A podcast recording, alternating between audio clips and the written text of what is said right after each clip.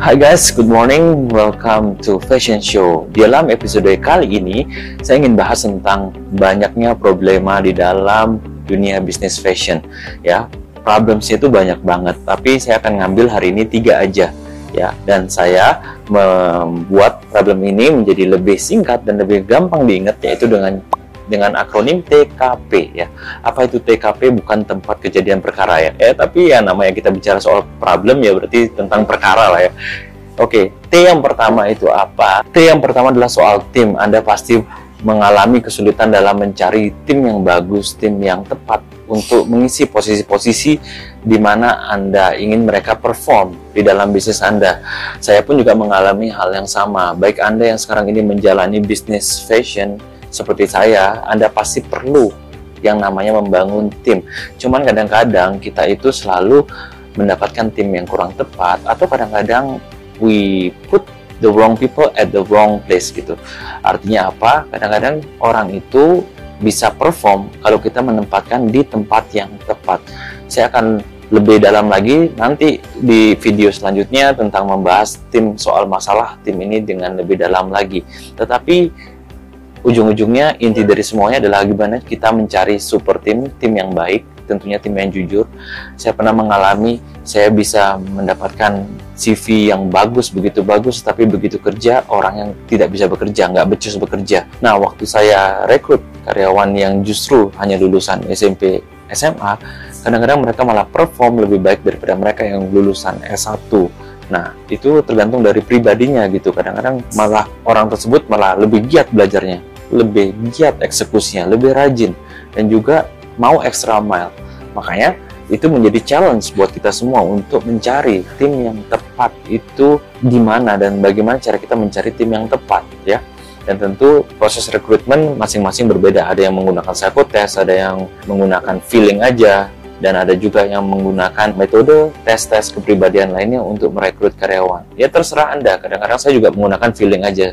Karena kenapa? Karena kalau di tes tuh kadang-kadang mereka bisa ya buat-buat aja pilih-pilih yang bagus-bagus aja, tapi kita nggak tahu sebenarnya aslinya gimana.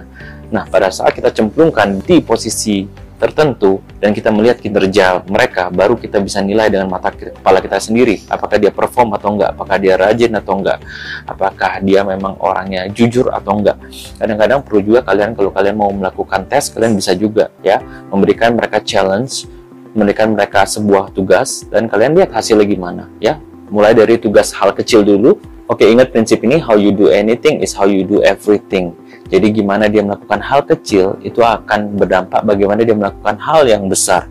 Oke, jadi untuk masalah soal tim memang masalah yang paling sering dialami banyak pengusaha bisnis fashion dan nanti di next video saya akan bahas lebih dalam lagi. Oke, okay. oke. Okay, problem kedua terbesar yang menurut saya yang sering orang pebisnis fashion mengalami atau kalian pebisnis lainnya sih, yaitu adalah K, yaitu K itu adalah keuangan. Kenapa? Karena sering sekali orang bilang kayak, aduh, saya kurang modal, saya butuh modal untuk memulai usaha. Ada juga orang yang mengalami kendala keuangan dalam mengatur keuangan mereka. Kadang-kadang mereka memang sih untung dapat profit, tapi di akhir bulan nggak tahu kok profitnya nggak ada, kok di bank uangnya malah kosong gitu. Karena mereka tidak men-track uang mereka itu pada keluarnya ke mana gitu. Kadang-kadang mereka mengeluarkan uang dari profit mereka itu ke hal-hal yang konsumtif atau ke hal-hal yang nggak penting gitu yang harusnya yang bisa dihemat dan harus pinter-pinter kita untuk mengelola keuangan kita. Oke, cara simpelnya adalah kalian harus mempunyai jurnal keuangan, artinya mencatat keuangan, pengeluaran, dan pemasukan secara rinci, sehingga kalian tahu ke mana uang kalian itu pergi. Kebanyakan dari kesalahan pebisnis fashion yang awal-awal ya, mereka tuh gagal untuk mengelola keuangan karena mereka ya udah asal produksi aja, asal marketing di budget marketingnya di blow up aja sehingga tidak ada kontrol di sana. Jadinya semua profit tergerus dan hasilnya tidak maksimal. Makanya kita perlu untuk mengatur keuangan. Dan problem keuangan juga cukup panjang kalau saya jelasin di sini. Mungkin saya buat lagi videonya juga di episode-episode selanjutnya ya. Dan yang ketiga adalah soal P, yaitu adalah produksi.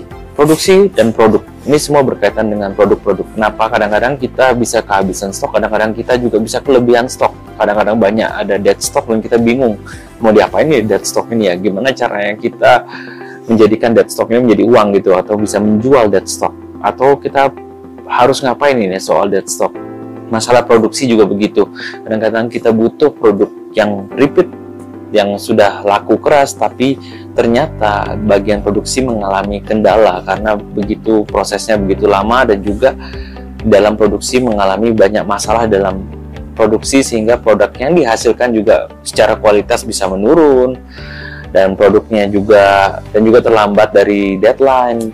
Jadi makanya masalah produk menjadi masalah besar juga dalam pebisnis fashion.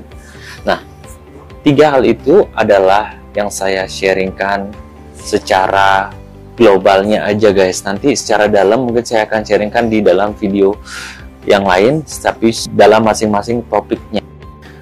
Oke, itulah tiga problem yang besar menurut saya di dalam dunia bisnis fashion. Tentu ada banyak problem lainnya seperti yang saya bilang tadi, tapi tiga masalah ini yang menurut saya cukup besar yang harus kita perhatikan dan kita harus tahu gimana cara kita untuk mengatasinya ya dan kali akan saya sharingkan video masing-masing poin ini dengan lebih dalam lagi beserta contoh dan case studinya supaya kita semua bisa belajar sama-sama dan kita bisa membangun industri fashion dengan lebih baik lagi di Indonesia ini. Oke, jadi ingat TKP masalahnya yaitu pasti kalian juga mengalami hal yang sama seperti saya yaitu masalah tim, kedua adalah masalah keuangan, ketiga adalah masalah produksi. Kalau kalian juga mengalami hal yang sama di TKP ini, komen di bawah ya. Saya ingin tahu masalah yang kalian hadapi apa. Apakah kita sama nih, ya? Dan saya pikir pasti semua pebisnis maupun pebisnis fashion maupun pebisnis lainnya juga mengalami tiga masalah ini. Apa sih masalah kalian? Kalau kalian merasa video ini bermanfaat, jangan lupa untuk di like, di share, dan juga di subscribe ya channel saya ini supaya saya bisa terus berbagi tentang dunia bisnis fashion dan kita sama-sama memajukan industri bisnis fashion di Indonesia. Oke, salam fashion show. Bye bye.